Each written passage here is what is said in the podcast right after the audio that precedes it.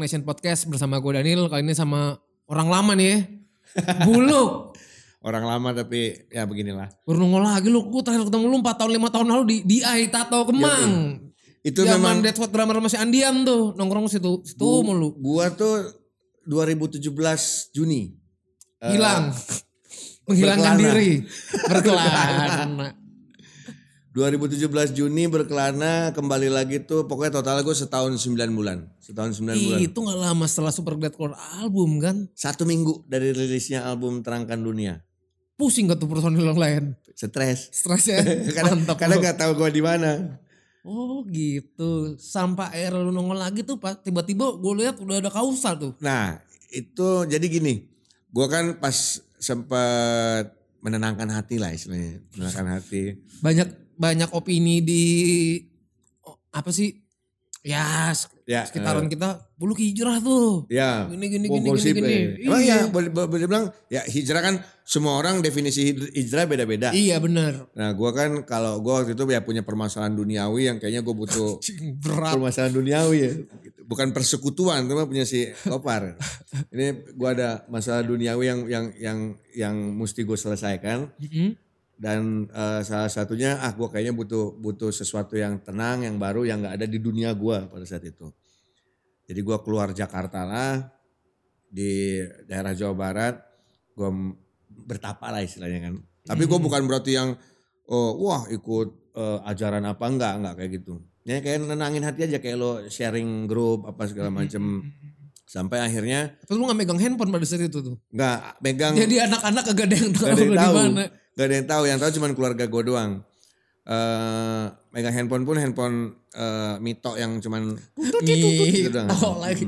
Hmm, handphone yang gembel yang 128 ribu harganya kalau beli di kios handphone. Gitu. Masih ada sampai sekarang itu handphonenya gue simpen. Nah eh jadi gue tuh kayak pengen ah udahlah gue nggak nggak mau terjun ke boleh dibilang gue udah tadinya udah nggak mau banget untuk balik lagi ke dunia Entertainment lah ya. lagi lah gitu Hiburan. sampai terakhir eh gue kayak ke- kehidupan strata hidup gue lagi benar-benar di bawah nggak bisa ngapa-ngapain ujung-ujungnya gue dapet tawaran untuk MC awalnya BU lah kan karena lagi BU kan gitu Tapi orang itu dapat kontak lu dari mana tuh? nah ini ajaibnya ini Ci Angel nih Teman-teman lu di Super Getaway susah Iya. nyariin lu. ini ajaibnya orang ini namanya Ci Angel C Angel ya. Ci, eh, Ci, apa kabar Ci? Gitu. Ci Angel ini eh, dia punya IO namanya Redbox. Dia tuh Oh, kayak Redbox. eh. dia nyari sampai ujung mana nggak nemu nggak nemu nggak nemu. Entah dari mana tiba-tiba dia menghubungi om gua dan gua nggak tahu dia dapat nomor om gua dari mana. Tiba-tiba langsung ngubungin gua. Peluk, yuk mana aja sih lu? Gua ancalin lu dari kemarin ini. Gila lu. Bla bla bla bla bla." dengan lafalnya yang sangat Eh, eh, cengkok Chinese-nya ciri khasnya si, si Angel. Gua butuh lo nih, gua mau ada tour gini gini gini, gini segala macem. Tour Tur apaan? slang ya? Slang. nggak salah ya. Iya, nah akhirnya ketemu di situ singkat ceritanya gua jalan lah sama si Slang nih. Tour. Lama? Eh, tiga bulan. Biasa lu yang jadi ngeband Iya. ngeband di tour, Iya. sekarang lu jadi MC Jadi doang MC, tuh ya. ya. Dari situ gua akhirnya dari tour gue tuh tadinya cuma nge- kelar MC balik, kelar MC balik. Terus tiba-tiba di tengah-tengah kota ke sembilan gitu, eh, ada band pembukanya. Band pembukanya tuh dari Palembang. Ada Meets After the Storm keren sih maksudnya band itu. Tapi Temu pelor dong di Palembang. temu.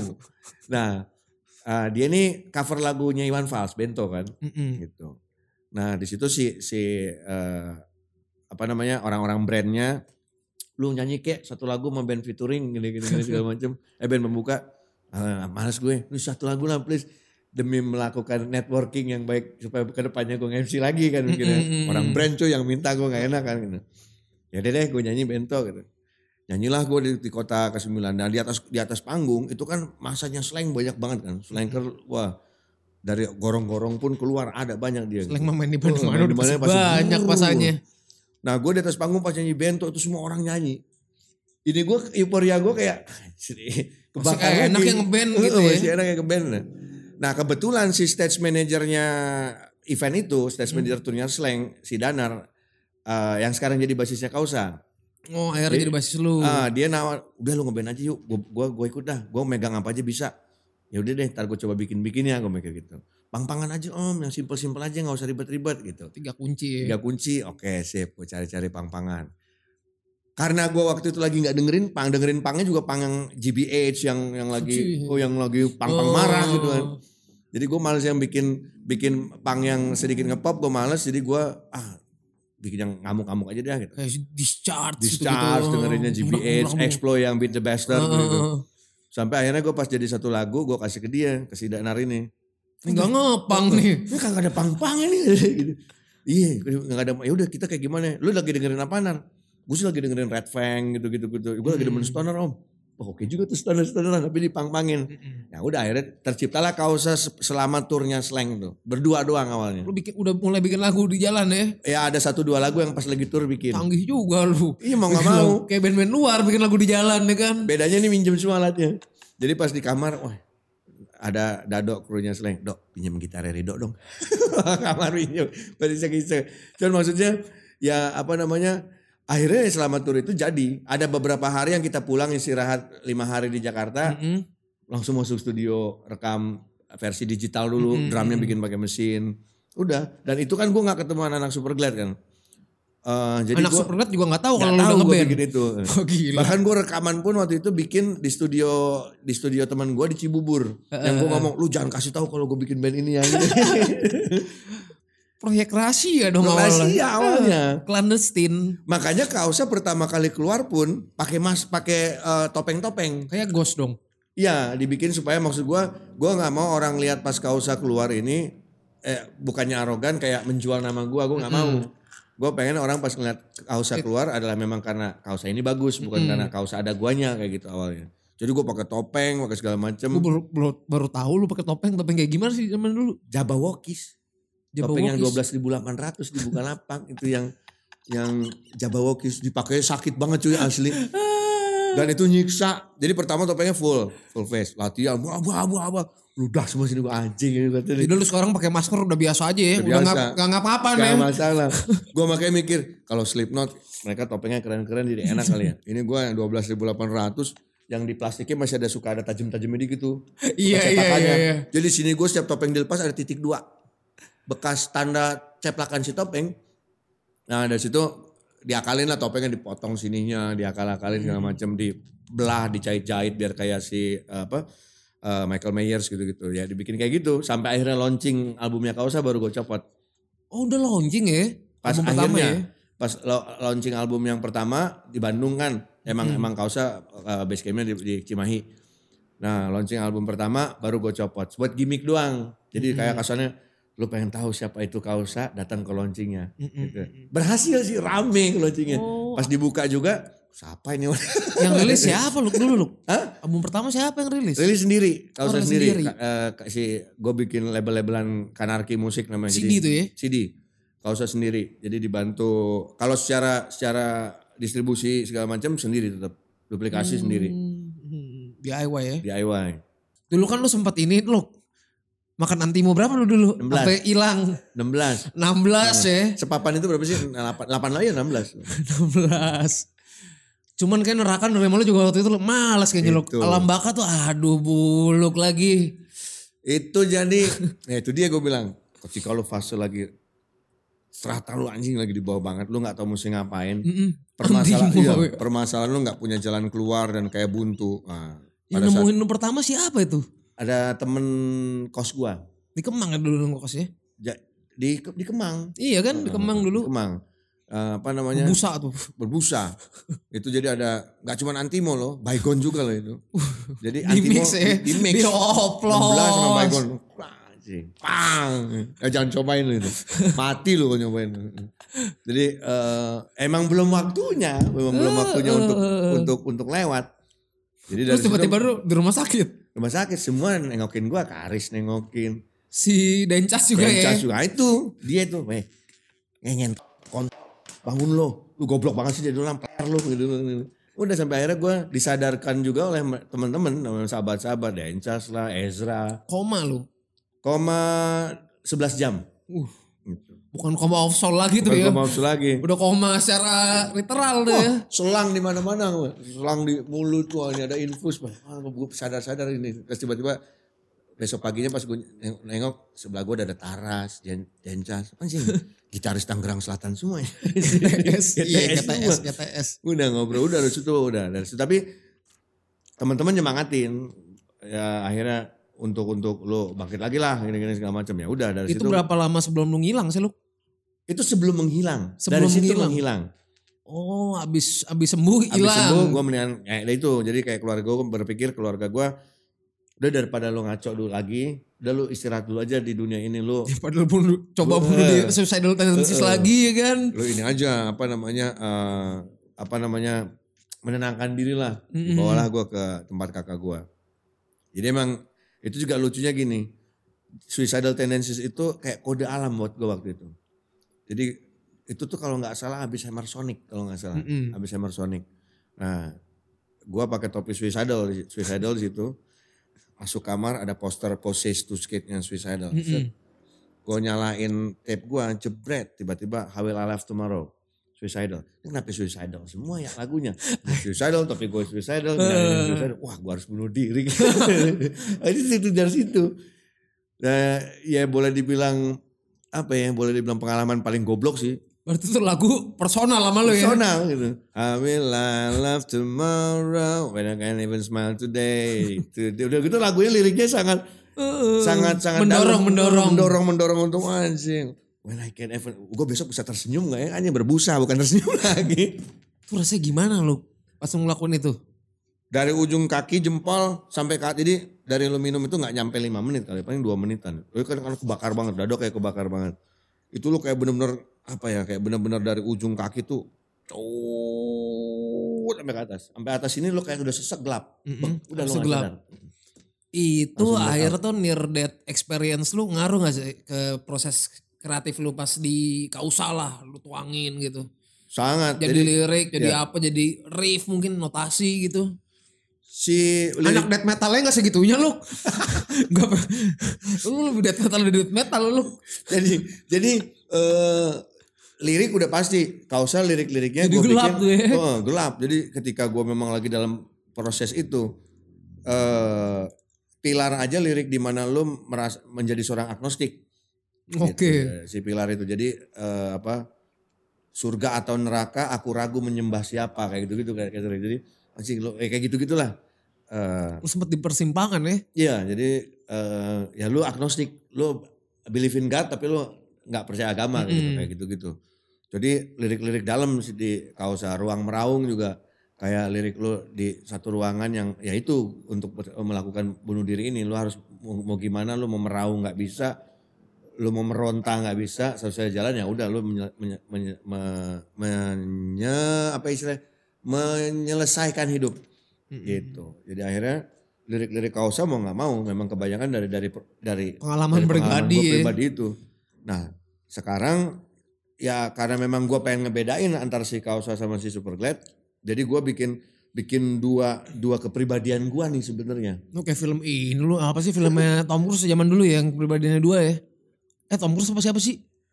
Ada film yang diberantem sama dirinya sendiri. Ya, Ingat kan Iya, zaman zaman Laserdisc kalau nggak salah tuh film lama lah.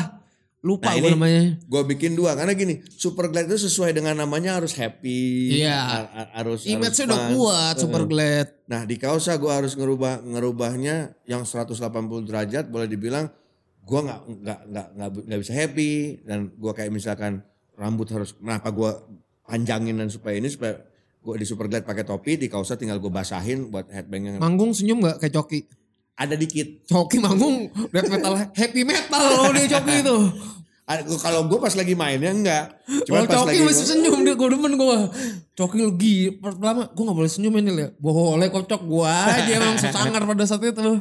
Tapi gua- awal-awal. yang PR adalah ketika manggung eh, eh, pas bikin lagu lah, bikin Hmm. lagu bareng si Kausa gitu, gue harus meng- harus berhenti ngedengerin lagu-lagunya Superglad atau lagu-lagu genre yang memang Superglad eh, ja- Social distortion lo gak lu dengerin nggak dulu gue dengerin dulu, mau nggak mau. Gue lebih dengerin yang lebih lebih masuk ke si Kausa. Begitupun ketika Superglad proses recording, si Iya kan bikin single kan waktu itu. Iya, eh Superglad masuk proses recording, Kausa nggak gue dengerin dulu. Tapi gue bikin bikin bikin timeline yang boleh dibilang hanya jarak satu bulan selalu. Jadi supaya gue mau promo, gue bikin gimmick Superglad versus Kausa ini akan gue jual untuk tour ke depannya. Oh pinter emang lu. Dari dulu emang. Biar gue kagak puyang juga jadwal ya kan. Heeh. Misalkan manajemen Superglad manggung Kausa manggung kan keder. Udah aja nih gue bikin paket nih. Tapi tenaga sanggup ya. Paling gue minta selisihin satu band. Hmm, Satu band. Kalau tenaga masih aman, teknis masih aman. Mood yang susah. Oke. Karena kasus kemarin si Superglad versus Kausa itu pernah tur Jawa Barat. Harusnya ini kemarin kita jalan lagi Jawa Udah Tengah, berapa Jawa titik Timur, kemarin Bali. turnya? Jawa Barat 4. Harusnya Jawa Tengah, Jawa Timur, Bali. Nah cuman itu pending gara-gara si cor- Corona of Conformity ini sekarang kan. Corona conformity. COC. Nah eh, kelar Kausa main itu ada eh, satu band yang main dulu Elon Atlas. oh, Lanet Iya, Les. Elon Atlas. Nah gue tuh harus ke mobil dulu atau ke ruangan kosong gue nonton Mr. Bean. Gue nonton Dono dulu supaya mood gue jadi Oh gitu. Iya, kalau kagak marah-marah mulu tiba-tiba lu naik masuk perglat, woi kan agak mungkin. gitu. Di kausa gua harus gahar, eh, jaga ya pokoknya Tapi eh, yang nonton sama aja apa ada emang orang baru Beda. gitu? Oh beda, Beda. ya. jadi eh, buat gua satu pencapaian kesannya anjing ternyata fansnya si Kausa ini bukan fans Superglad. Ada yang fansnya Ada ya? Superglad cuman. Cuman si Kausa nemu fans baru Hmm. yang memang tidak tahu gue punya band Superglad gitu. Oh gitu. ada beberapa lumayan yang memang oh ternyata dia vokalis baru tahu kalau gue punya band eh, juga gitu disangkain memang gue baru gitu. Oke. jadi akhirnya ya boleh dibilang apa ya lumayan ya pencapaian lah buat gue gue punya masa baru nih Enak juga lu manggung kayak gitu. PR Nil Iya, Enak tapi kalau seneng capeknya kagak berasa lu. Iya sih Iya. paling kelar manggung lo anjing badan lo fisik gila Di panggung mah kagak Di panggung capek. nggak berasa kelar manggung. langsung tuh gue massage ya enggak ya, gue massage saya jangan WeChat. WeChat beda massage-nya Lu bagi otaknya susah gak tuh lu? Kau sama si Superglad. kalau Lu kan dua-duanya songwriter. Iya. Nah ini kasusnya kemarin itu Superglad ngerilis Rockaholic Revival pas pandemi mini album ada empat lagu. Itu, Itu gitaris sudah beda gue. udah. Eh, eh, kalau recording gue semua. Oh, Manggung doang siapa sama nama Adui. gitaris yang dulu? Ah, Dadi. Dadi, Dadi Ah, ya. Udah enggak kan? Udah enggak. Jadi di Rockaholic Revival emang gue semua yang isi gitar, manggung diganti sama Adui, Adui speak up adisionalnya. Hmm. Habis Rockaholic selesai ini kan ngerilis kaset, ngerilis merchandise dan segala macem. Tanggal 1 Agustus Kausa masuk studio. Nah lu kan ini eh ini mau calon jadi eh, vokal director ini. Gue butuh teriak, gue nggak tahu cara teriak. Gue wa waan sama Daniel. Gue jadi direktur kantor nggak mungkin jadi jadi vokal director lah. Gue bilang, eh ini cara nge-growl kayak gini gimana Nil? Dikasih link sama dia. Oke, gue sampai di rumah tuh Nil. Uh, oh, uh, anjing. Susah banget. Gitu aja sebenarnya karena biasa Iya. aja lama-lama bisa. Kan bertahun, berpuluh-puluh tahun gue bernyanyi. Iya. Screamnya gue tuh lah scream bernyanyi bukan scream yang teknik. Gantian gue nanya sama lu, lu cara nyanyi gimana sih lu? Fales nih. Nah jadi gue akhirnya pas bikin si Superglad kemarin, kausa gue stopin dulu. Eh gue nggak nggak nggak pikirin. Jadi gua- don't off ya. Iya turn off. Gue bilang manajemennya, lu atur gimana caranya, sosmed tetap jalan, posting-posting apa aja sama-sama satu dua bulan ini. Karena gue akan fokus sama Superglad dulu. Kelar Superglad, oke Superglad rilis tanggal 1 besok Kausa masuk. Gue dari kemarin selama pandemi gue kagak dengerin musik sama sekali. Gue caranya gue dengerin Gojira, dengerin sampai Behemoth gue. Behemoth ya. Sampai Behemoth didengerin, aduh dengerin apa ya. Karena gue kan Tuning lu juga beda dong ya. Iya, si Kausa ah, secara teknis Superglad drop cheese, Kausa drop bass. Oh bass ya. Bass. Eh, jadi itu pun karena Pro salah. banget. Karena gue salah. Apalagi gara-gara salah. Eh, jadi gue pengen drop B. Ya kan? Oh. Drop B, gue tuning, teng teng teng. Senar lebih tebel tuh ya. gue ngikutin Slipknot lah biar ke B, bang bang bang pakai senar 7 atau gue pindah ke senar 6. Cep jadi oke, main Nge, nge, nge, udah jadi 4 lagu. Terus gitaris gue datang, "Eh, Cuk, iki bass lo, Cuk, bukan B." Hah, bass yo. Iya. Kalau bass tuh di sini, kalau B di sini. Anjing rendah banget pantesan. Udah jadi 4 lagu, Cuk. Ya udahlah, bass aja dia. Oh. Akhirnya bass. Harusnya pengennya B. Gak apa-apa kalau emang masuk sama lagunya. Iya, akhirnya masuk aja di bass. Cuman mau gak mau PR ya senar. Mau gak Iya, mau senar ganti. harus tebel. Senar harus tebel. Senar harus tebel. eh, scale gitar harus lebih lebih panjang. Hmm, kok nggak beng bengkok ya? Apa gimana sih? Eh, go- gobar-gober istilah kalau bahasa gembel mah. Gobar gobar. Gorer, gitu. Oh itu mah kalau ditekenin banget baru, Iya. kalau ditinggiin baru bengkok. Ah. Kalau itu mah gak apa-apa ya. Kalau mah cuman sih eh, kalau bahasa gembelnya Bleber lah. Hmm. Udah gobar-gober senarnya. Kalau scale-nya panjang lumayan tegang loh walaupun bass. Gitu. Akhirnya gue coba sampai gitar bass tuh sampai telepon Mas Ed. Mas, ini gini gini gini. Gila lu bass lu. Lu mau pakai senar berapa? Makanya gue nanya lu. gitu. Gue nggak ada drop bass gue, paling C gue. C gue pakai senar 11 paling gini gini gini. Aduh, siapa lagi yang pakai bass ya? Karena semua orang yang gue tanya pakai eh, drop itu Ricky B tuh. Ricky B. B apa A gitu? B. B ya. Heeh, sering aja B. Nah, kebanyakan gue tanya drop bass itu semuanya senarnya 7. Hmm. 7 senar. Nah, senar 6 siapa ya gini-gini. Nah, akhirnya gue berpikir ah udahlah tes aja deh. Akhirnya gue eksperimen lah di si Jarvis eh, Radix gue dengan bass pakai senar 12. Lumayan akhirnya, lumayan nolong. Ya paling ada ada gober-gober dikit masih aman lah. Biar biar bahasanya. Gober-gober. Apa sih bahasa teknisnya gue gak tahu tuh. Eh, ya bukan gitu deh. Eh, Bahasa gembel, bahasa gembel gitaris mah ya, ini tak gober-gober senarnya gitu. hmm. Nah yang waktu lu bikin kausa tuh apa trigger band metal yang akhirnya ah gue metal nih. Nah, gue tuh awal itu nih baru sekali gue cerita nih. Gue lagi cinta Gojira gue. Lu gila juga lu gue Gua jira tuh- album yang mana? Eh yang Mars from yang- from Mars yang to Sirius. Stranded tuh album mana ya? Gua aja gak gitu dengerin gue jira dengerin Stranded dengerin sama si doang. eh, Ceret, Ceret, Ceret. Yang cover apa dah? Kalau yang cover apa gue Covernya yang eh, biru, Orobus, Orobus. Orobus. Nah, eh, itu album apa tuh? itulah pokoknya. itu pokoknya itu. Wah, anjing band ini keren banget ya. Dan gue baru tahu kan. Udah gitu Prancis. Iya dan Prancis dan masuk Udah gitu Grammy nyeker. juga. Heeh. Nyeker. Terus gue liat drummernya, ih drummernya basicnya jazz nih. Si eh, Mario. Cing, basicnya jazz tapi band ini keren. Terus gue dengerin Gojira, gue seneng. Karena dia ada ada scream, nyanyi, scream, nyanyi. Anjing keren juga nih. Nah, pengen bikin kayak Gojira, gue kasih drummer gue. Om, susah ya mak eh, gitu gitu. Tetep biasa aing main gitu. Kalau Hyperblast mah hajar lah. Gitu.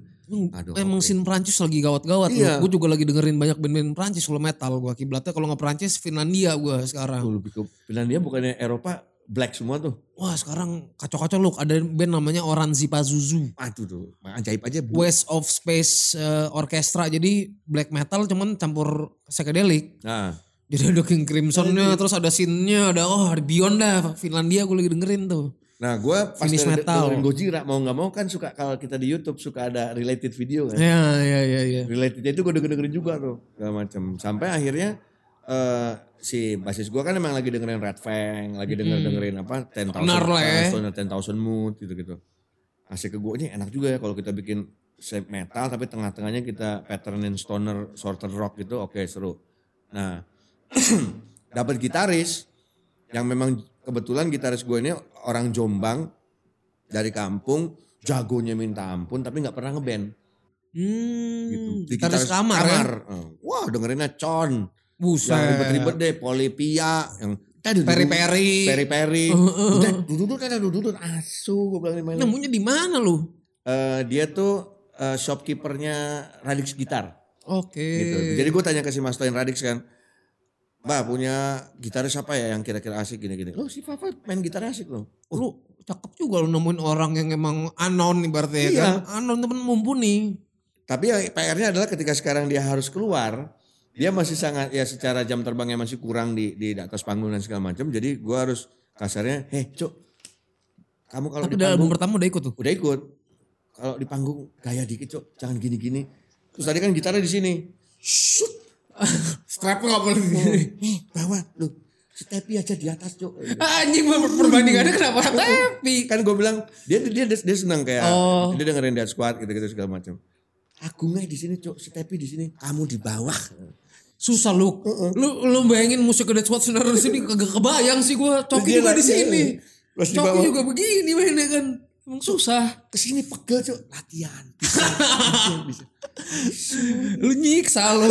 gua tahu kebutuhan musik gitu gak bisa. Gua nyobain gitar Coki buset. Tapi dia, ada- Cok, dia latihan bisa ya, naikin dikit tapi nggak terlalu bawah lah setidaknya lu nyaman gak nyaman cuk nyamanin gue paksa sampai akhirnya sampai dandanan karena memang boleh dibilang berarti lu sekaligus ini ya stylish ya. stylish dandanan dan segala macam Permak tuh dari Jombang jadi selatan. ya intinya ya awalnya gini eh eh ikut. Bawa maternal lah kan gitu gitu. Nggak ke Vidi mah ke Mano. Ini gini gini gitaris gue pilih aja. Pakai apa aku? Pilih ya ambil yang mana? Pilih dulu. Ini bagus gak Eh, taruh situ dulu. Jadi memang mau nggak mau memang memang buat gue sebuah band itu butuh butuh butuh performance dan uh, look yang enak Gue setuju. Iya kan? Audio visual. audiovisual. Jadi ketika lo mainnya keren tapi lo pas manggung kayak kayak eh, apa namanya kayak biasa aja buat gua nggak akan nggak akan ya, ya jadi jadi biasa. Beda kalau bule ya. Lo Napalm Death manggung pakai celana kargo aja udah enak dilihat gitu. Gitu. Cuman kalau buat gua di orang kita manggung pakai celana kargo buat secara visual ya sih nggak enak gini.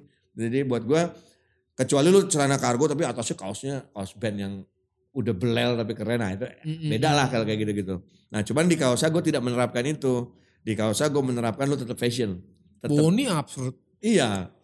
Baju putih, kargo putih, new rock putih, kadang manggung pakai baju pink lah apa. Enggak tapi let's say kayak Fugazi. Kayak kaos belel jelek, celana juga jelek, manggung sepatu, fans sudah hancur-hancur. Keren. Tapi that's Fugazi gitu. Gitu Keren. keren. Nah kalau di kita untuk sebuah band baru lu nongol kayak gitu buat gua, makanya kaosa gue bikin, wah ini band kalau dibikin segembel ini nggak cocok secara looknya. Mm-mm. gitu secara misalkan eh basis gua gu- jenggotan panjang gitu gitu jadi men- mendingan gua bikin eh kau usah kita pikirin fashion yuk jadi nggak nggak nggak cuman kita pikir eh audionya doang visualnya lu atur lu mau dandannya kayak gimana drummer harus gimana jadi gua emang kita atur dari awal supaya Lu tuh ya otaknya ya. ya jadi emang Kalau supaya Superglad mau autopilot ya. Superglad udah jam terbang Udah jam terbang jadi ya. akhirnya masing-masing udah punya ciri khas. Giok dengan Ah. bretelnya, Akbar dengan singletnya. Ya udah, itu udah jadi super glad. Nah di kaos ini gue butuh. Misalkan gue dengan baju jaring-jaring, celana tie-dye, ini tiba-tiba yang lainnya nggak gitu kan jumping nantinya. Jumping, jumping, Gitu. jumping, jumping. Jadi yang lain additional. Heeh. Guanya udah jaket kulit, baju jaring-jaring, celana tie-dye, yang satunya cuma pakai kargo pendek, kan a- a- aneh. Jadi gimana caranya eh, look gua dengan mereka nggak nggak jumping. Dan itu gue bedain juga dandanan gue di Kausa sama di si Superglad. Gitu. Nah makanya ada dua sponsor. Cakep lu emang lu. Bisaan lu emang lu lu. si Kausa ke si maternal karena memang lebih cocok secara eh, visual. Superglad lebih ke crossover yang memang lebih eh, cocok juga dengan Superglad secara visualnya kayak gitu-gitu. Nah ini lo pertanyaan 666. Hmm. 6 album yang mempengaruhi next albumnya Kausa. Yang album besok Iya. judul albumnya Una Yang semua lagunya udah gue denger. dia doang nih yang tahu. Gue bilang Nil jangan sebar dulu Nil. Ini masih demo. Eh judul album Una in Paper Tomb. Salah satu yang didengar anak-anak kemarin itu untuk referensi adalah Behemoth. Behemoth Exodus satu. Behemoth album yang mana lu? yang Yang baru. eh, yang banyak, lebih banyak instrumennya daripada nyanyinya gue gak tahu yang mana tuh. Apa nih? Behemoth yang sebelum yang baru. Sebelum yang baru pokoknya, sebelum yang sebelum yang demo, baru. demo, demo nih. Yang Aduh, apa kambing sih? Eh, kuning itu. Nah itu, gue juga dari drummer gue, Om iya Om, Behemoth. Gue tahu band ini tapi gue gak pernah dengerin. Dengerin akhirnya ada salah satu nada dari Behemoth yang memang jadi referensi di lagu itu di, di, dipakai di lagu itu yang yang apa lu kalau denger yang yang eh, di puncak menara gagah itu kan Crossing- crossing gitu ya? Iya gitu-gitu. Eh, eh, eh. Terus Behemoth, eh, Exodus, Wounded by Blood. Exodus Bandit by Blood sudah pasti karena jen jen jen jen jen teret jen jen jen gitu. Nah terus ada band-band post rock, beberapa band-band eh, Wah apaan tuh band post rocknya? post rocknya macam-macam sih. Banyak yang instrumen-instrumen post rock yang ada di YouTube tuh. Explosion in the Sky. Nah, Explosion in the Sky udah pasti. Terus ada band-band post emo, cikal bakal emo, Rides of Spring. Wah gila Red of Spring gue demen. Jadi gue ngambil ngambil ngambil Love ada Spring lagu ada gua. judulnya mirip sama lagunya Netral Haru Biru di album itu. Hmm. Nah itu ngambilnya dari Rides of Spring dengan Rides of Spring dengan gitar gaya Elliot. Wah Elliot tuh juga demen tuh. Apa Jadi- Force Cathedral. Post Album enak banget. Apa? Drive by your own ghost. Nah, Eh itu mah Drive on to me ya. Ya, Yang satu lagi apa sih yang ada ghost-ghost itu lagu kaos juga yang tuh. dari Elliot itu ngambil beatnya. Deng deng deng deng deng deng deng. Itu band ke mana ya? Nggak tahu. Bagus tuh Elliot tuh. Nggak nggak aktif. Itulah emo yang bener. Bagus asli. Gue demen tuh Elliot. Elliot, Get Up Kids. Get Up Kids, ya. Quicksand. Quicksand Ya. apalah. Wah Quicksand album terakhirnya mantep banget Keren. loh. Keren banget, keren Eh, banget. salah satunya itu juga. Oh tuh Quicksand ya. Udah Quicksand. berapa tuh? Udah berapa tadi? Lima apa apa? Eh, Behemoth, Behemoth, eh, Exodus, Sodas, band-band post rock ada beberapa. Heeh. Terus eh, ya, Tarol Explosion, ya, ah, Explo- Ex- Quicksand, Explosion ya. in the Sky, Quicksand, Elliot. Elliot. Eh, tapi itu sebenarnya sa- satu-satu genre yang sama. Terakhir tetap gue dengerin adalah materi lamanya Kausa mau nggak mau. Oh basic pondasi Basic ya. fondasinya. Album Lu pertama jangan sampai ya. lewat dari dari album satu. Mm-mm. Jadi akhirnya antara album satu dan dua perbedaan kedewasaannya nggak terlalu jomplang.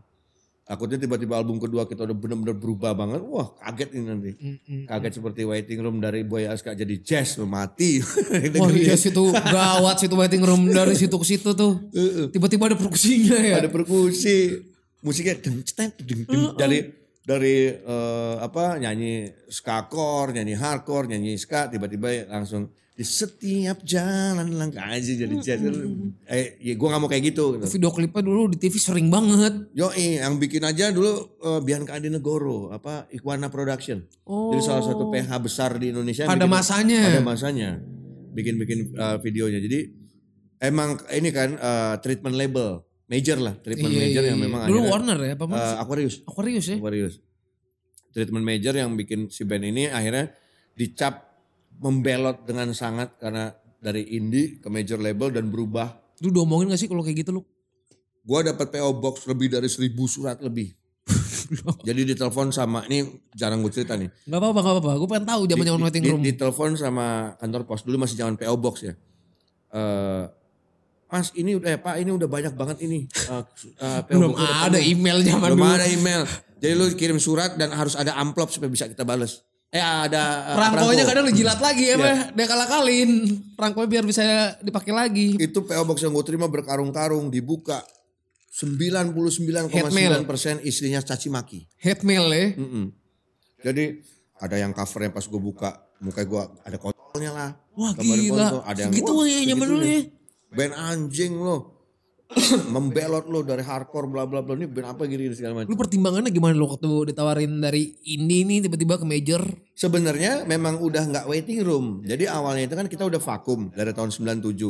Tahun 2000 ketika anak-anak waiting room dari luar negeri pada datang ke Indonesia. Eka balik. Ya, kita membuat proyekan yang memang udah nggak mikirin waiting room, sebuah proyekan baru. Dan di- Makanya musiknya beda banget ya, ya. dengan nama propaganda. Judul album Jadi akhirnya. judul albumnya akhirnya. Sebenarnya itu adalah band itu namanya propaganda bukan waiting room. Orangnya sama. Orangnya sama. Musik beda. Nah, ketika ditawarkan ke Aquarius, eh, pihak Aquarius mau sign kita asal namanya waiting room. Karena udah ada namanya. Udah ada namanya sebelumnya. Jadi dari situ anak-anak ya ya udahlah, hajar aja deh gitu. Nggak masalah, ternyata bermasalah. Tapi lucunya saat ini Box banyak banget. caci nyobain. maki. Ada muka gue gambar lah, wah covernya dibalikin sama kaset-kasetnya kadang-kadang. Ada yang kaset dihancur-hancurin, wah macam-macam deh. Terus, tapi lucunya sekarang ini album itu paling dicari Propaganda itu. propaganda. Enak sih tapi menurut gua. Belum ada zaman eh, Malik belum ada. Iya lu udah kayak gitu duluan. Yang udah manis-manis udah acid gitu. jazz. Belum eh, bahkan gua pakai kacamata gede, pakai baju bulu-bulu warna-warni. Jadi gua aja sudah menjadi Jimmy Upstairs Pada saat pada itu. saat itu tahun 99. gue SD lu. Eh, Jadi gua udah pakai baju bulu-bulu, wah kacamata gede. Ya ya udah memang yang bahkan gua ada ada desainer namanya nggak tahu masih hidup apa nggak Dedek Kece. Dia tuh yang ngedesain baju-baju Melly Guslow. Oh, Nah, itu sama waiting- di sana. iya. Waiting room setiap panggung pasti dengan baju desainer dia. Waiting room era itu. Era itu ya. Waiting room era era hardcore mah dengan fugazinya, dengan kaos-kaosnya. Nah, cuman yang itu dia akhirnya lucunya sekarang kayak semua orang aja menunggu waiting room ini dirilis lagi, reuni lagi lah, ini lagi. Iya kemarin reunian kan. Ngobrol doang karena kita mau ngerilis eh, digital. Jadi Aquarius sempat menghubungi pihak waiting room, mereka akan eh, merilis lagi digitalnya si album propaganda. Tapi yang album pertama enggak. Di akhirnya karena kita punya album pertama Bagus yang banget sendiri, Itu.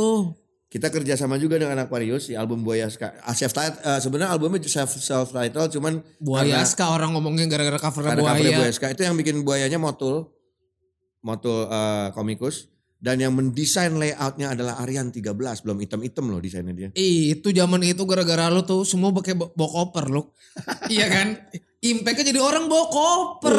Bawa koper sama baju Hawaii. ya. Gila bawa koper mau kacar doang mau bawa koper kata gue gara-gara waiting room. Nah akhirnya si album itu kita rilis ulang secara digital ke Aquarius. Cuman sekarang ini permasalahannya adalah karena master itu semua masih Nah itu pita. permasalahan band Indonesia gimana master lu masih ada nggak? Master ada cuman pita. Masih Eh, bisa lu, masih bisa lu. Akhirnya sekarang kita lagi remastering lagi. Di mana lu remaster? eh dipegang sama Aquarius, remastering Wah, lagi. bagus, bagus, untuk bagus, cakep, untuk cakep, cakep. si album Boyaska. Kalau album yang propaganda sama album musik, memang masternya ada di Aquarius. Untung master lu kagak ditiban kayak band-band lain ya. Nah, band-band lain banyak master Tiban ya. Nah ini Aquarius masih punya profilnya. Berarti penjualan lu lumayan. Sebenarnya. Kalau penjualannya nggak sampai poin kan tiban. Karena gini, awal awal propaganda rilis, penjualan propaganda pada saat itu eh, berbarengan dengan dewa yang risalah hati. Ya, Dewa Eh. era once ya. ya dewa, dewa yang malam beribu bintang. Iya, iya bintang bintang 5 ya. Ya, ha, bintang 5. Itu berbarengan, waiting room rilis, dewa rilis. Minggu pertama penjualan waiting room sudah 75 ribu kopi. Gila. Dewa masih 15 ribu kopi. 75 ribu loh waiting room. Kaget loh Aquarius pada Gila. saat itu. Anjir, kamu bikin video klip, kamu tur, kamu ini, kamu ini. Minggu kedua, Dewa 100 ribu kopi, waiting room 75 ribu kopi. tetap tetap udah di situ Udah di berarti. situ. Minggu ketiga, Dewa 300 ribu kopi, waiting room 75 ribu kopi. Jadi terus sampai setahun tetap di 75 ribu seminggu Oh, berarti, pertama doang. Berarti emang emang masanya segitu ya. Dan akhirnya kecewa. Oh, pada akhirnya pada kecewa. saya kecewa dalam arti mereka kayak kecewa kayak misalkan gue oh, band jadi gini sih nih gitu tapi menurut gua orang-orang yang kecewa itu menurut gua lo ngaku ya lu yang sekarang pada nyuruh gua reuni lagi pasti di orang-orang yang kecewa nih Hmm. salah satu orang yang pasti ada salah satu orang yang kecewa akan waiting room pada saat itu cuman berasa kayak eh, wah ini sebenarnya bagus gitu karena gue pribadi menurut gua gue tidak suka secara genrenya Mm-mm. tapi buat gue secara skill musikalitas album propaganda itu luar biasa Dibanding album pertama. dibanding album pertama ya dan tanda kutip bukan genre ya kita nggak ngomong genre tapi secara musikalitas Udah Dari- udah lebih maju daripada zaman gak sih? udah digital Oh, Album rekamannya ud- udah beda ya. rekamannya udah digital udah antara digital itu revolusi dari digital menuju ke eh dari pita menuju ke digital jadi buat gua kalau lo dengerin itu di tahun 99 si waiting room ini sudah dengan acid jazznya funknya eh, ada kita udah Itu referensi dari Eka apa dari mana? referensi itu macam-macam Eka bawa James Taylor Quartet waktu itu eh, Juan Albert dan segala macam bawa kayak Brand New Heavies dan segala macam Jamiroquai gue bawa Puya di situ Puya. ya Puya band nu metal itu kan? Iya yang teng dadadan Iya, tahu, tahu, tahu. dadadan. kan funk juga kan Mm-mm. dan ngejazz dan Latin lagi ada perkusinya dan segala Iya, macam ada percussion. bahkan si Waiting Room mengcover Puya pada saat itu oh. mengcover si- Eh, fundamental eh capalate mama teng Heeh. dadadeng deng deng deng Ya kasetnya masuk sini soalnya jadi gua Ah. tahu. Nah jadi eh, di saat itu buat gue genre itu sebenarnya masih sangat langka dan breakthrough sebenarnya. Tapi orang belum pada nyampe kali lu. Di luar belum pada nyampe nama itu, nama si Waiting, Waiting Room, Room, itu ya. sudah kuat dengan judul lagunya Fugazi, kita mengkamper Fugazi, album pertama pun kita merilis Buaya Ska tuh dengan ada unsur-unsur ska core-nya, tiba-tiba lu total jadi acid jazz, jadi Kok- funk. Konon Waiting Room tuh band Jakarta yang awal-awal di apa sih gelombang pertama yang peka sama merchandise ya, yang ngeluarin Ya. merchandise official. Mm-mm. Kemudian ada yang posting di Instagram tuh, kaosnya Waiting Room yang lama, Ya, gambar buaya. ya kaos itu reissue. Eh, Agustus besok ini rilis Eka yang pegang lu kalau mau beli tanya Eka Anas ya. Akhirnya dibikin lagi ya. dibikin lagi di Masternya lagi. masih ada lu? Master filenya apa digambar ada, ulang? dicetak ulang tapi dengan desain yang sama. Hmm. Itu yang eh, oh cuman belakangnya beda. Kalau yang lama tulisannya The Jokes on You. Yang Kalau sekarang, yang ini, sekarang nggak ada nggak ada tulisan belakangnya. kalau zaman dulu jualan merchandise band official gitu, Lu tau gak gue dulu nyetak zaman Gimana? kaos di mana? Gimana Di? Senen coy. yang tukang bikin piala gitu-gitu. Yang kalau di lu kalau ke Senen kan suka bikin baju satpam. Iya iya gitu. iya baju bola, Baju bola. baju per- anak-anak STM apa sih budut apa yang Nah, belakangnya? dulu di situ bikin merchandise. Oke. Jadi kita nyetak di sana dan segala macam. Gue baru tahu ternyata eh, merchandise itu bisa dikelola secara baik itu belajar dari anak-anak Pupen. Ya. Jadi mereka Bandung lebih dulu kayak pada saat itu menurut gua anak-anak Pupen tuh lebih menjalani merchandise lebih Lalu sepantaran kan lo? iya cuman hasilnya uh kok dia bisa kayak kayak baju luar ya kayak gitu-gitu pada saat itu. Sedangkan waiting room dulu ya lo tahu sablonan Senen coy. Ya enggak ya sablonan glek glek. Terus ya karet gimana sih? Eh, sablonan kayak rubber, rubber, rubber baju istilahnya. STM gitu-gitu Eh. kan baju belakangnya misalkan tulisan buzzing ya kan? Gitu-gitu. Nah, kayak gitu sih baju waiting room dulu. Dulu penjualan berapa bikinnya berapa banyak dulu lu? Dulu per biasanya dulu gue bikin tiga lusin, jual. Tapi abis bikin lagi. habis bikin lagi, habis Oh. bikin. Karena kan dulu masih bisa ketengan Mm-mm, dan segala macam. Akhirnya Zaman dulu mah gak ada istilah, ada istilah PO gak sih zaman dulu? nggak ada. Gak Emang pakai PO ya. nggak PO. Jadi jual. Jual. Jadi jual juga kalau nggak di, di di panggung kita jual di di apa namanya di eh, apa tuh eh, studio gua. Jadi ada di studio Oh, gua. iya, dulu punya studio ya. Iya. Yang katanya sampai era abis itu ya. Nah itu. Mixer jadi apa jadi apa. Iya. Nih ngomongin 666. enam momen terendah. Cuman musik aja dah lu kalau kehidupan gue gua males Iya, udah. udah. YouTube lain tuh banyak yang lu di pinggir rel kereta. Heeh. Oh, mukanya sedih banget buluk. PWI ini kan droplet nih gue nih. 6 momen, Momen- terendah cuman di musik tapi lu. Enam Misal pas waiting room bubar, gue gak tahu kenapa bubar waiting room tuh. Ya, salah satu itu enam momen terendah adalah um, oh se- sebenarnya bukan terendah tapi ini terendah tapi proud. Ketika gue masih bersama antiseptik. Antiseptik ya. Ya. Oh iya lo awal-awal ya. Ya, Sama Berry bukan? Sama Berry. Sama Berry sama almarhum Robin Utagaul. Ketika sama antiseptik bukan terendah, ini proud, tapi ini boleh dibilang rendah juga sih. Jadi manggung di Bandung, ya kan. Naik ke atas panggung, set. Maksudnya Berry. Saparua? Saparua. Waktu itu main di Hula Balu. Oh lah Nah. iya iya iya. Maksudnya Berry mungkin kayak menyapa secara cool gitu kan. Hello Pangrok Bandung, ngentot lo semua gitu. Maksudnya mungkin hello Pangrok Bandung, fuck you all man gitu. Tapi Nah, maksud keren. kalau di luar kayak gitu Eh. kan. Tapi pas lu ngomong, hello Pangrok Bandung, ngentot lo semua. Bel, botol, batu, untang lunting, untang lunting, anjir. Dan gue lagi bukil. Jadi main gak tapi? Kagak. Kayak jadi main Kagak jadi baru dung dung baru mau descendant tuh dung dung ding dung dung dung ding dung ding dung dung deng dari Amerika bagian dan gue bugil lu bayangin Gue ngebayangin. gue lagi bugil, anak pangrok Bandung naik semua terus gue turun kabur di film-film lu dikejar. Kayak video klipnya bling berarti lu Iya. lari gak pakai apa-apa. lari nggak pakai apa-apaan dan lucunya salah satu orang yang ikut melempar itu adalah Bubun Tartel Junior dan kemarin nginep rumah gue Brat, etatnya maneh nu waktu itu jeng septik panggung talanjang nya anjing gue teh yang ngelemparin anjing Akhirnya jadi teman ya. ya memang ya itu pak ya ya brotherhood kayak gitu maksudnya ya itu masa lalu yang kita memang masih 89 septik 89. gila. Gue berdua tahun lu udah ngeband. oh nembak Mokak ya dulu ya. Anti jadi septik. eh, itu nggak ya nggak terendah juga cuma maksudnya ya maksudnya Ya pokoknya, pokoknya itulah itulah. kayak gitu lah zaman saya bahkan kita pun kalau mau manggung ke mana-mana lu bayangin manggung di Bandung dari Jakarta kadang-kadang nggak punya mobil kita nebeng mobil omprengan apa segala macem manggung dengan nggak punya alat band bawanya strap doang gitu gitarnya Yang nggak ada punya strap. yang penting punya strap pinjam gitar ya strapnya sendiri gitu gitu terus em, Apalagi lo, apalagi lo. Baru ja- satu. baru satu terus eh, era Orang waiting room dong.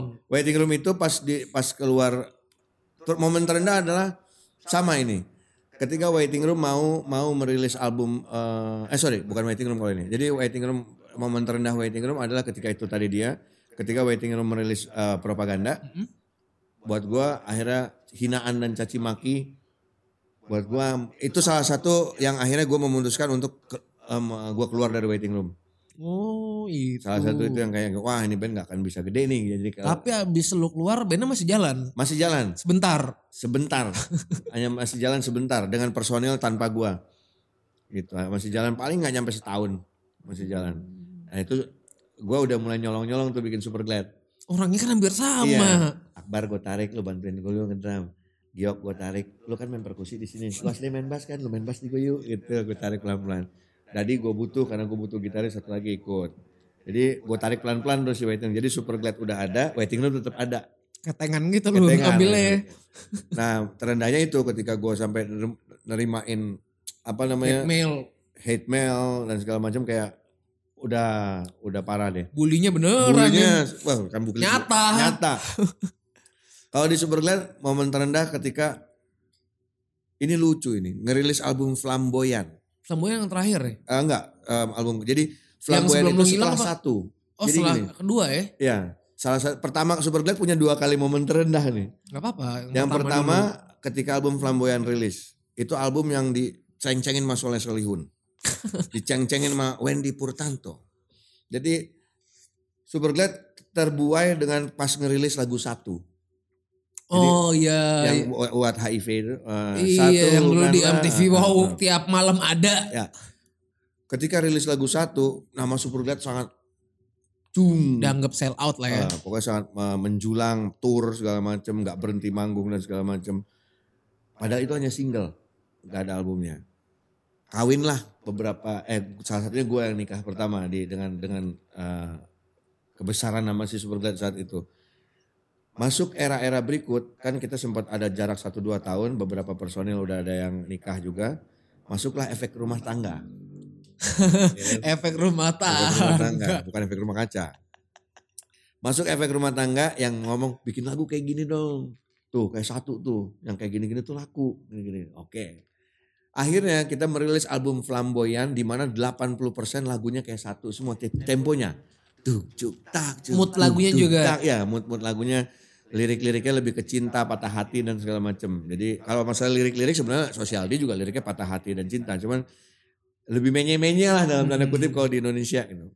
Dan ternyata ketika album itu rilis seluruh media hanya memberikan satu bintang termasuk Rolling Stone oleh Soleh Solihun dan segala macam gue nggak oleh loh gitu bahwa album tak layak dirilis Gila ya, Oh, kayak gitu ya statementnya ya. Pokoknya bener-bener dicap ya. jelek banget nih. Dari situ gue akhirnya sama anak memutuskan bikin album baru yuk. Nah, itu lagi rendah-rendah banget. Akhirnya cuma jarak 8 bulan keluarlah Never Die. Nah, itu langsung naik lagi. Musiknya balik lagi Musiknya kayak balik lagi. sebelumnya ya. Cuman edannya album Flamboyan setiap kali dibawa manggung seluruh fansnya Superglad minta lagu yang jadi lagu-lagu yang ada di album Flamboyan itu ternyata mereka suka. Nah dari situ gue Oh, berpikir Apa kata media sama kata fans tuh beda, beda, ya. ternyata. Jadi akhirnya gue berpikir lu mau dengerin media apa lu dengerin fans lo gitu. Jadi akhirnya pada saat itu gue berpikir udahlah kita dengerin fans aja. Mau kita mau bikin lagu cinta kayak lagu apa yang penting fans kita suka. Mau media cap kita gembel kayak yang penting fans kita suka udah gitu aja. Akhirnya dari situ gue uh, berkacanya. Terus uh, jatuhnya terendahnya Superglad adalah ketika Yang kedua nih. Terangkan Dunia terakhir. Nah, Terangkan Dunia itu album di mana gue lagi nggak fokus sama sekali karena gue lagi punya masalah masalah duniawi, ya kan? Masalah lu duniawi Eh, mulu. duniawinya pokoknya ini bahkan gue sampai bikin nama Terangkan Dunia itu supaya dunia gue semakin terang. Ternyata malah makin gelap pada saat itu. Itu gue lagi nggak fokus makanya gue sampai ngajak semua teman-teman yang untuk memproduksi lagu itu. Gue oh lagi iya nggak fokus iya lagu. produsernya beda-beda ya. Iya. Hai di di Ada singlenya Iga ya. itu Iga Mas Ardi. Mm, mm, mm. Eh, bersiap untuk perang eh, Ricky Seringai. Iya ada Ricky juga. Eh, Raya itu Adekin, pokoknya ada Kin, Yai, Iga. Oh, Yai ikut ya? Yai ikut. Yai itu melo, eh, dua judulnya. Jadi semua lagu diproduksi oleh satu musisi. Jadi gue nggak fokus untuk mengaransemen. gue hanya bisa bikin nadanya, chat gue kasih kayak lu nih, Nil, nih lagu gue, lu gimana caranya lu robah-robah deh nih. Gitu. ya udah, tuh lagi nggak fokus sama sekali. Dan rilisnya album itu itu di eh, High Day Mm, mm. pas acara High Day kita sekalian launching, kita manggung dan segala macam. Seminggu dari situ Buluk is gone. Jadi nggak promo sama sekali. Habis tertulis hilang. Hilang. Udah berapa tuh? Empat ya berarti ya? Empat. Lima yang kelima yang kelima. Lima buat gua kemarin pas ketika gue balik lagi untuk membuat kausa. Dibilang ini titik terendah tapi perjuangan dalam arti gini. Kausa gue mulai dari nol. Untuk untuk membiayai latihan, untuk membiayai recording dan segala macam. Kita nggak punya sama sekali sponsor yang mendanai. Jadi benar-benar patungan. Berasa lagi tuh latihan lu patungan. ya. Iya. Kalau Superglad latihan udah punya base camp dan segala macam udah nggak mikirin. Ataupun latihan di studio orang ada manajemen yang Ya, ngurus dari uang kas. Kau sama lu ngerasain lagi, eh, eh gocap-gocap, 20-20 gitu. Ada ngerasain gitu lagi gua. Manggung lu nggak pakai kru. Gua sampai pernah ketinggalan gitar sama efek. loh. Udah di venue, Terus lu akhirnya pakai gitar orang. pakai gitar orang. Efek-efek orang. Iya karena gua udah terbiasa ada yang bawain, Iya, ada yang iya, sound, iya, tiba-tiba iya. sepanjang panggung, gitar gua mananya? Emang di mana? Tadi gua taruh anjing di ruang tamu, gua bilang gitu. Gua udah sampai Bogor. Nggak mungkin lu ambil lagi. Memanggung di Bogor Clothing Festival kalau nggak salah. Jadi sampai segitunya. Terus udah gitu kita latihan kadang-kadang gua Latihannya di mana sih? Lu kan orang jauh-jauh. Kalau gua ke Bandung, dulu gua masih tinggal di Cibubur, itu gua pakai motor gua dari eh, Cibubur ke Bandung lewat Jonggol. Touring. Touring, lu latihan doang lu. Gila latihannya cuma 3 jam, jalannya bisa 4 Jalannya bisa jam. 4 jam. Begitupun drummer gua. Dia kalau latihan ke Jakarta dari Bandung lewat Jonggol tuh. Wah, pakai Astrea lagi. Wuh, ribet. Sampai segitunya dulu. FTW ya, forever to Forever will. to wheel. Sampai akhirnya sampai sekarang saat ini boleh dibilang Kausa masih masih belajar melangkah, masih apa namanya masih untung sampai sekarang punya kru walaupun krunya menolong kita ya. Akhirnya kru-krunya Super Glide gue tarik-tarikin. Sama Lama-lama Bas gak bisa main giok lagi. gue kayak gini, eh dia krunya menawarkan diri, bos si Kausa kagak ada krunya, kagak ada duitnya. Ya ilah lu kayak mas apa aja bos, masih kayak kanebo kaku aja, eh, kayak kanebo kering kaku gitu. Lu mau bantuin, sini aku bantuin, ya udah bantuin tanpa ada, karena kan Kausa belum dalam tanda kutip belum sama sekali ada pendapatan dari manggung. Ya, lu dikasih transfer satu juta, Jakarta Bandungnya udah enam ratus ribu. Gitu. Habis. Habis, jadi akhirnya ya udah ada sih sekarang kru yang bantuin Kausa. Jadi setidaknya gue udah nggak lupa gitar gue ada di mana. Gitu Ada nyetemin. ada nyetemin segala macam tiba-tiba nyala oh di kausa awal-awal wow, gue masih di panggung dan gue nggak tahu gue tahu teknis tapi gue kadang-kadang nggak terlalu paham kan ini, Udah lama lu gak kayak ini gitu. ke mana ya larinya ya iya loh iya Input, output. gue akan bingung kayak gitu tapi akhirnya udah sekarang perbaikan itu salah satu yang terakhir tuh gitu dan sekarang ya boleh dibilang lagi mulai lagi nih karena kita mulai recording lagi dan boleh dibilang Yang keenam berarti nih. Hah? Ini yang keenam. Enggak udah yang keenam tadi. Cuman maksudnya di, di, di recording lagi besok ini ya sama. Dari bawah lagi nih. Kita mesti mikirin biaya untuk untuk rekaman walaupun kita akhirnya minta tolong Bapak Agus Purnomo ya. Giok. Alias giok. Oh Kenapa kita rekaman di Doors? Supaya bisa ngutang. Oh gitu. Bayar belakangan ya. Dari belakangan. Kalau kita rekaman di studio yang lain, gue bayar di muka gak ada dana anak-anak. gitu. Apalagi lagi pandemi ini. Iya, Aduh, mau iya, bayar iya. pakai apa lo? Akhirnya mau gak mau ngomong ke Giok. Pur, si Kausal rekaman tempat lo ya. Tapi gini-gini dulu ya. Atur aja ya nggak eh. Ya udah. Ajar boleh akhirnya. Oh gitu. Jadi tapi nggak dibatasin berapa shift tuh ya? Gue sih ngebatasin anak-anak total kita kalau bisa paling banyak 20.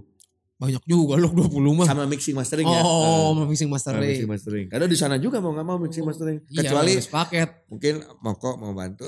bisa jadi. Oh, kok ini shoemaker ya. Kan mau bantu bisa jadi. Stephen Santoso boleh banget. Ah. Nah tadi kan yang enak-enak nih. Kalau 6, momen paling enak di musik apa itu? nah momen paling terenak, Ya terbaik lah. terbaik. Ketika lu masuk ATM, duit lu yang lu tahu cuma 50 ribu berubah jadi 185 juta. Wah anjing. Itu pas kapan lu? Lagu satu. Oh. Gue punya duit 50 ribu sekian. Dulu ATM BCA tuh ada 20 ribu, jangan 20 ribu. mm-mm. Gue mau ngambil 20 ribu ceritanya. Ah udahlah gue ambil 20. Set, pencet, masuk 20 ribu. Tek, pas gue ngecek saldo, cing, kenapa 185 juta nih duit siapa? Gue sampai sujud-sujud di ATM itu. Masya Allah Akbar, Alhamdulillah gue sembah tuh ATM BCA. Sembah ATM. ya kan? Itu duit dari mana ternyata? Ringback Wah RBT ya zaman, Zaman dulu. itu masih ada. Dan gue nggak tahu kan. Jadi pada saat itu semua duit itu kan gue cuma bisa ngambil tuh 10 juta karena gue cuma silver. Gue ambil cash 10 juta, gue transfer kakak gue 10 juta. Besoknya gitu, gue ambil cash 10 juta, gue transfer kakak gue 10 juta. Gue udah ngomong, gue cek, nih gue takut ada orang salah transfer nih. Yaudah lu transfer gue aja, biar gini-gini ya udah. Jadi sama Itu seminggu buat lebih. buat personal apa buat seband tuh? Sebenarnya kan itu lagu ciptaan gue Mm-mm. gitu. Cuman ya tetap ada ada ada porsi anak-anak yang memang ngikut di lagu itu harus gue bagi. Cuman kan gue nggak tahu kalau itu lagu eh itu ada royaltinya satu. Emang gak dikabarin sama label atau publishing lu? Setelah seminggu ke depan baru ada surat keterangan. Jadi makanya udah gue ambil seminggu, duit udah kosong di ATM, gue pegang cash tapi belum gue apa-apain. Gila gila duit segitu. Atau 85 juta zaman dulu. Di kamar gue setinggi ada se- segini nih tingginya duit. Cuma, cuma ada Soeharto doang. kan. Soeharto. Gak ada cepean. Banyak. 180 juta tinggi itu. Gue tuh gue selama tiba-tiba dapat surat. Gue ini kok Indosat, Telkomsel, gini-gini gue buka. Anjing total-total sama. Oh ini duitnya. Duit gue juga ternyata itu bukan duit ini. Jadi Lu besoknya. pikir salah transfer Gue pikir ya? orang salah transfer kan. Wah gue bisa kembali. Akhirnya tuh duit. Gue masukin ransel. Anak-anak buat suruh meeting. Anak-anak belum tahu. Belum tahu. Ya kita bagi-bagilah di situ. Nih buat lo, nih buat lo, nih buat lo, nih kru buat segala macam. Gede tahun segitu mah lu. Sangat. Hmm. Ya lu bayangin Wali berapa miliar tuh. Gue cuma satu lagu loh. Wali punya ibu, ibu, bapak, bapak. Lu hai gadis kerudung merah. Banyak banget kan lah. Mereka udah pasti lebih gila dari dari Superglad. Superglad aja cuma satu lagu bisa sedapat itu. Kalau kalau metal sih buat RBT buset gue nelfon temenku. Ada dulu album pertama. Nggak pantas emang nih.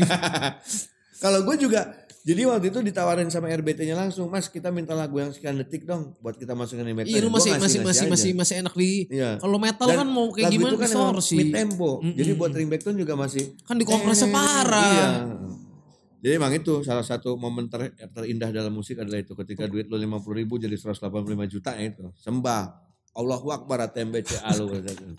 Yang kedua, yang kedua, yang kedua. yang kedua tour lah. Tour ya. Tour. Pertama kali Super Glad Tour eh, eh, Sumatera, Kalimantan.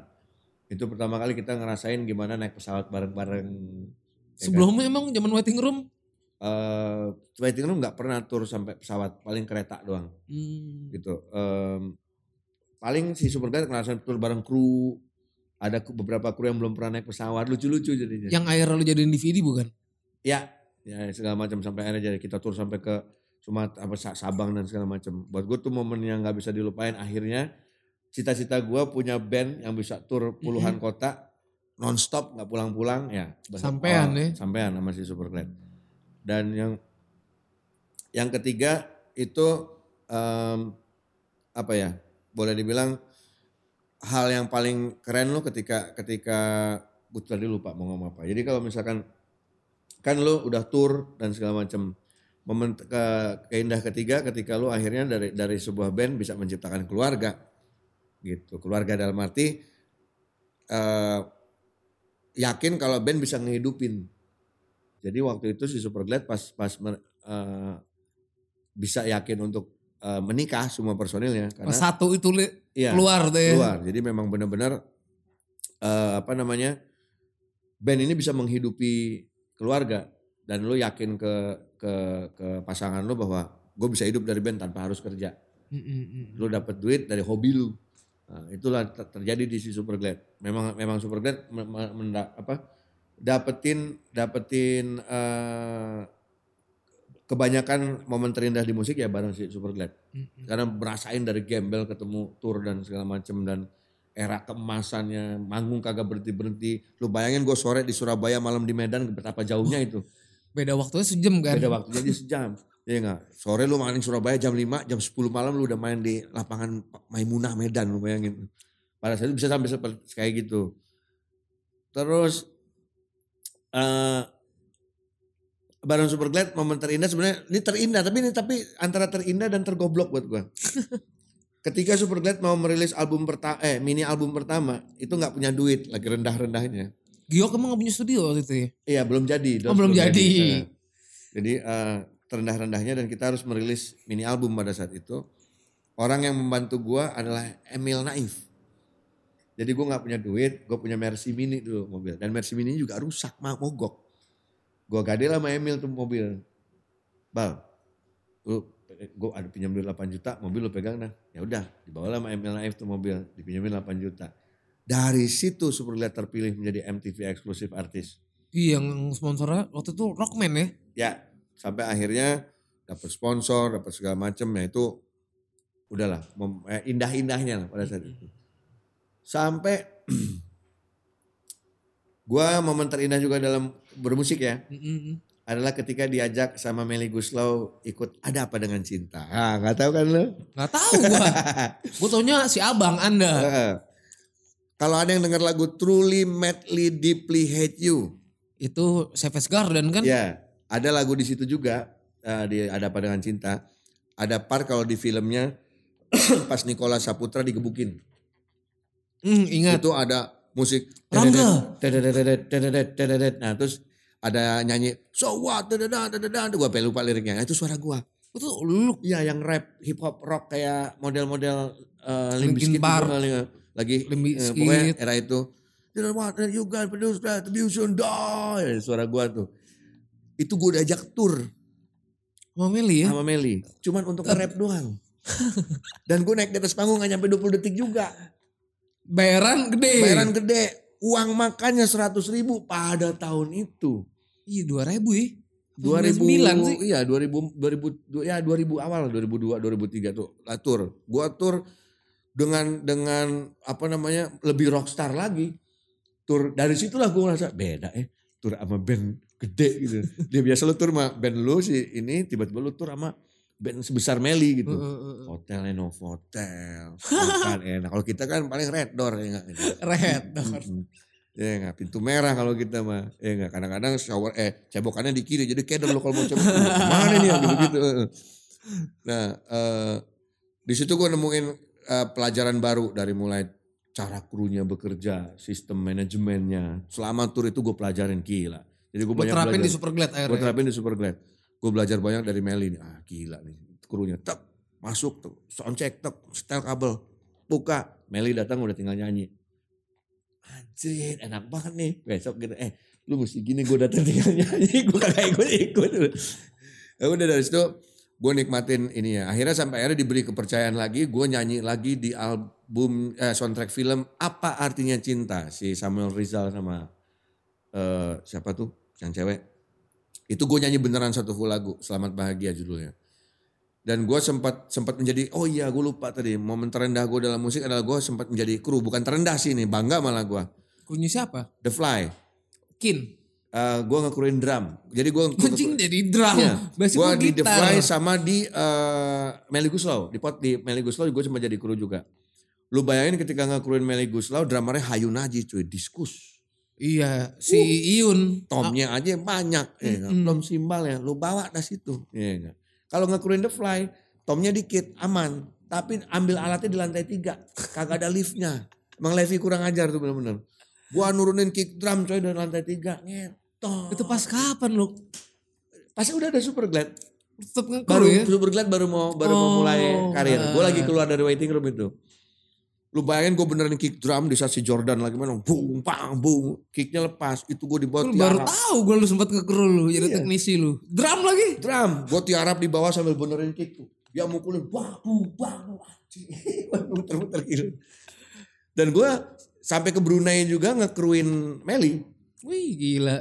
Jangan Brunei. ke Brunei diundang sama ke- apa kerajaan Brunei itu ngekruin Iun ke sana ngekruin Iun tuh bandnya paus juga kan? pause dulu Sama Kohadam. sama, sama ya Adam Ko- Koil Adam Kiol. ada Kiol nah udah itu salah satunya lah tapi buat gue tuh suatu kebanggaan sih Iyalah. akhirnya gue tahu gimana makanya makanya sekarang gue nggak terlalu marahin kru kalau mereka capek karena gue pernah ngerasain. Iun lagi diskus buset alat tomnya satu banget. satu dua tiga tom tiga floor dua snare dua Diskus tuh salah satu band yang kalau dia lagi manggung, gue gak mau diajak ngobrol. gue mau nonton ya, Nil Nil. Diam gue kalau nonton Diskus. Terus dengerin Dengerin, dengerin banget gue Diskus tuh. dan itu ya masnya gue kalau manggil Ion masnya I miss you kalau butuh kru panggil lagi I siap ya, Ya, balik lagi ke yang pertanyaan yang tadi tuh. Tadi udah berapa? Lupa gue. empat udah empat, ya. Nah, Yang kelima. kelima momen ter, ter Terenak lah enak dalam musik. musik. Ketika ya salah satu itu. Ke- kedua ketika lu gue pernah manggung dengan Super Glad. Pertama kali sama lagu satu ini keluar. Itu ketika manggung biasanya Super Glad dengan segelintiran orang di depan yang bernyanyi. Kalau nggak salah di Kalimantan apa di Sumatera ketika lagu satu dinyanyiin itu satu lapangan ikut nyanyi refnya. Satu karena gue merinding. Giok saking noraknya nyamperin gue. Bul pada nyanyi Bul Sampai gitu. Bul pada nyanyi Bul pada nyanyi Gue sampai nengok Oh iya bener. Oh nyanyi Yaudah dulu dulu Jadi gue bangga. Eh, Jadi buat gue Anjir ternyata karya gue akhirnya gak cuma segelintir orang Tapi Mm-mm. seluruh orang yang nyanyiin. Udah gitu bukan bukan di daerah sendiri lagi. Bukan di daerah sendiri Di luar kota. Mm-mm. Jadi buat gue Wah anjir ini the best Turun panggung gue udah kayak Pasya Ungu coy yang pada foto. Biasa jarang-jarang ya gak? Mas foto dulu, mas foto dulu. Anjir gue sampai pegel gini. Dari situ akhirnya gue memutuskan eh kita punya manajemen yuk yang bisa jagain kita. Dulu belum Oh, ada. belum ada ya? Belum ada. Masih kita sendiri yang megang. Kru udah punya. Tapi Manajemen- manajemen, masih sendiri. Eh. Kolbu. Wah, Manajemen kolbu. Kita sendiri manajemen kabul. Manajemen kabul. Manajemen kabul. Sampai kayak gitu tuh buat gue anjing momen ter- itu kalau nggak salah baru seminggu satu rilis kita langsung tour dan di tour itu semua orang udah nyanyiin.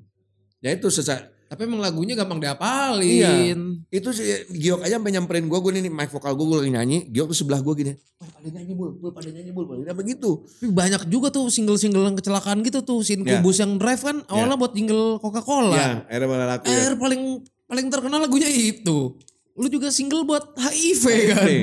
Padahal waktu itu gue pas ngi- ngirimnya aja cuman pakai akustik gitar doang sama Walkman kaset gue kasih ke MTV pada saat itu. Oh. Tiba-tiba pihak MTV bilang lu punya versi bandnya nggak gitu. Mau nggak mau dengan dalam waktu cepat gue rekam dalam versi band Oke oke oke oke. gitu. Akhirnya Oh. udah salah satunya salah- eh, lima ya berarti. Lima ya. Satu lagi yang terakhir sebelum kita milih kaos. Anjrin. Yang keenam yang terakhir momen tertinggi dalam band adalah saat ini. Gua yang kemarin Lu udah mulai tampil-tampil lagi Iya. lu. Di YouTube banyak banget lu. Nah itu. Jadi buat gue ini Sebelum sebelum gua sebelum lu jawab nih gue mau nanya pertanyaan ini nih. Lu sekarang muncul di YouTube banyak banget lu. Asli lu. jadi dulu Kenapa gini, tuh lu? Jadi dulu gini, eh gua tuh pengen banget punya channel YouTube. Mm-mm. Ketika gue balik lagi, balik lagi ke entertain eh, YouTube lagi ini segala macam. Ketemu sama Soalnya teman-teman, dunianya udah beda. Dulu Iya. TV sekarang ketemu sama teman-teman, lu bikin channel YouTube lah, lu bikin channel. Cuman gue berpikir kalau gue bikin channel YouTube yang biasa-biasa aja, ah tanggung ah, tar aja gue punya tim sendiri. Terrealisasinya gara-gara Aduy, gitarisnya Speak Up yang sekarang jadi Sunalin Super Glad. Aduy bilang, bang, gue ada tim nih, ada kameramen, ada ini, Wah, lu ada enak ini. lu. Permasalahan gue tuh gitu loh. Nil bikin ah. Gue kalau sendirian kagak bakal jadi apa-apa. gue mah males gitu. Kan konten konten mah ada loh. Iya, heeh. Tim kagak Timnya ada. ada. Belum nemu gue orang-orang yang satu frekuensi sama gue. Lo akhirnya bisa nemu gimana tuh? Nah itu dia menawarkan Perlu belajar gue malu nih.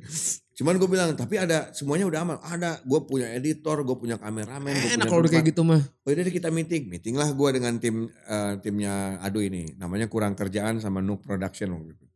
Oh dua dua, Dua, ini ya. dua PH digabung. Karena yang satu editor, yang satu kam- eh, kameramennya. Ngobrol-ngobrol-ngobrol ya udah eh, kita bikin talk show gini gini gini gini gini ya ter- terrealisasilah di si cabul akhirnya terciptalah cabul. Kalau eh, jamming box itu dulu gue pernah punya website namanya DigiLive. That's what Yang ngurusin Dead Squad Ya, dulu. That's what, eh, Dead Squad banyak urusan sama buluk dulu. that's what Eh, konser di radio show, Bulungan. radio show aja MC-nya lu, Yoi. masa dia. Wah, bahkan gue ngedrum Troop of Doom tuh di situ kan, Ken Chorus. Eh, konser Dead Squad Bulungan kerjasama yang Iya, Digi juga. Live.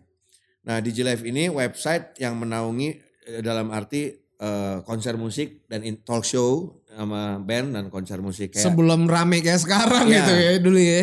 itu gue bikin gara-gara radio show diturun nggak ditayangin lagi. Ih sayang tuh kenapa sih sebenarnya lu? Lu kan Ya. orang dalam lu. Simbiosis mutualisme itu, ya kan? Radio show di, ini gue kalau ngomong tadi, Banyak pasti yang pengen tahu kenapa radio show gak ada. intinya ada unsur-unsur politik lah yang masuk yang akhirnya membuat makin tidak jalannya radio show. Udah lu tuh jalan Nah, banget loh itu acara. Mas Adri marah lagi sama gue. Apa kabar Mas Adri? Ya? Gue main udah kayak selenggung nonton Iya. rame banget buset dah kata gue. Nah akhirnya gue bikin si Digi Live itu ketika radio show turun. Nah gue bikin Digi Live. Digi Live pun tidak bertahan lama. Karena Eh, mungkin secara teknis ya kalau gue bilang ya secara teknis. Digi Live dulu tidak memakai player YouTube. Kita punya player Hmm. sendiri. ya lu punya kayak dari web ya. Iya, port web sendiri lo play di situ dan segala macam. Sedangkan Digi Live hidupnya harus itu kayak televisi. Kita hidup ketika ada iklan. Mm, mm. Nah, ke- mungkin iklan yang bu, iklan bukannya mau nggak mau masuk, tapi iklan melihat trafficnya si Digi Live. Gitu. Nah, pada saat itu traffic kayak misalkan eh let's say gini. Videonya Dead Squad di Digi Live ditonton 1500. Mm, mm. Tapi videonya Dead Squad yang yang sama yang diproduksi oleh Digi Live diupload ke YouTube yang nonton 150 ribu. Padahal videonya sama gitu, Heeh. videonya sama yang bikin Digi Live tapi di, di websitenya sendiri gak ada yang nonton. Uh, uh, uh. Nah jadi mau nggak mau ya kayak iklan dan segala macam mungkin berpikirnya ngapain gue taruh iklan di lu, yang gue taruh iklan di YouTube kasarnya kayak gitu kan.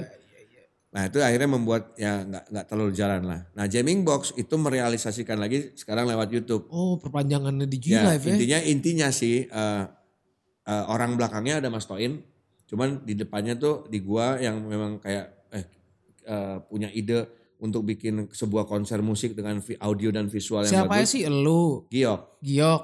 Bacot juga masih. Bacot. Heeh. Bertiga ya. Bertiga doang BBG, Buluk Bacot Giok. Jadi BBG. Jadi memang eh, bacot gue gua butuhkan karena memang anjing orang ini buat buat nyari ini kan ya you know Andre Tiranda pasti tahu mana dengan segala jenis genre musik juga ngerti. Gitu. Giok karena memang gue butuh audio man. Mm-mm. Karena Giok juga megang synchronize kan. Oh sinkronis tuh giok juga Iya, ya? audio lo yang megang Giok semua. Oh baru tahu gue. Giok yang megang synchronize dari 2018, eh, 18, 16, 19, oh, se- sepanjang synchronize yang lu tonton di TV yang mixing mastering Giok. Oh dia ya. Nah, gue butuh Giok untuk audio man-nya. Gue karena mungkin acaranya butuh host, mau nggak mau udah gue aja lah. Toh konsepnya beda dengan cabul. Mm, Ini gue nge-host sebuah eh, acara musik ngobrol dengan anak eh, full bandnya. Ya hampir sama kayak radio. Cuman Iya, formatnya dulu di formatnya TV, sekarang TV. di YouTube. Ya. Kalau soket yang satu lagi, ini channel gue Apaan kolaborasi. lah gitu soket artinya setan kan? Ya, soket ini kolaborasi gue bersama youtuber Apang, Gas John. Jadi gue punya punya prinsip bahwa setan itu sebenarnya takut sama kita, jangan kita yang takut sama setan. Kayak gitu. Nah, gue bikinlah channel ini. Sudah syuting beberapa episode tapi belum tayang. Kita tunggu ini dulu apa namanya? eh, Momen yang pas. eh, bukan momen. eh, udah beberapa episode ada baru kita tayang. Hmm. Karena kan syutingnya nggak nggak cepet kalau soket. Kita mesti nginep sehari semalam di tempat yang serem kan gitu. Oh, lu kayak Risa Saraswati gitu ya? Modelnya gitu. Cuman kalau di soket lebih kayak edukasi.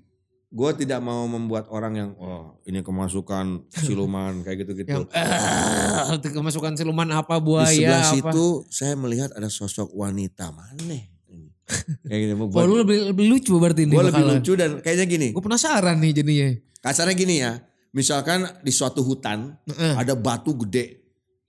Menurut mitos, jangan kencing di batu itu. Kan bener gak sih player pernah kebalik gara-gara kencing sembarangan? Karena kuburan yang gue kencingin. Oh tuh bener ya? Iya, Gue pikir anak-anak pada bercanda. beneran itu. Pelihara bulu kebalik tuh kencing sembarangan. Jadi gue nggak tahu kalau ini kasarnya gini, kalau si soket misalkan ada batu yang besar sekali di, di, di, suatu hutan, jangan kencing di batu itu. Kecuali batu itu ada kuburannya dan segala macam, gue pun tidak mau.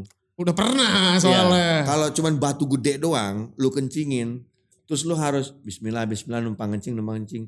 Lu berarti sudah dinamisme, friend. Oh iya. Lu udah takut akan kebesaran yang di atas. Lu harus kencing sama Bismillah numpang kencing, numpang Numpang-numpang kencing. gitu. Batu doang, lu takut tuh batu kan.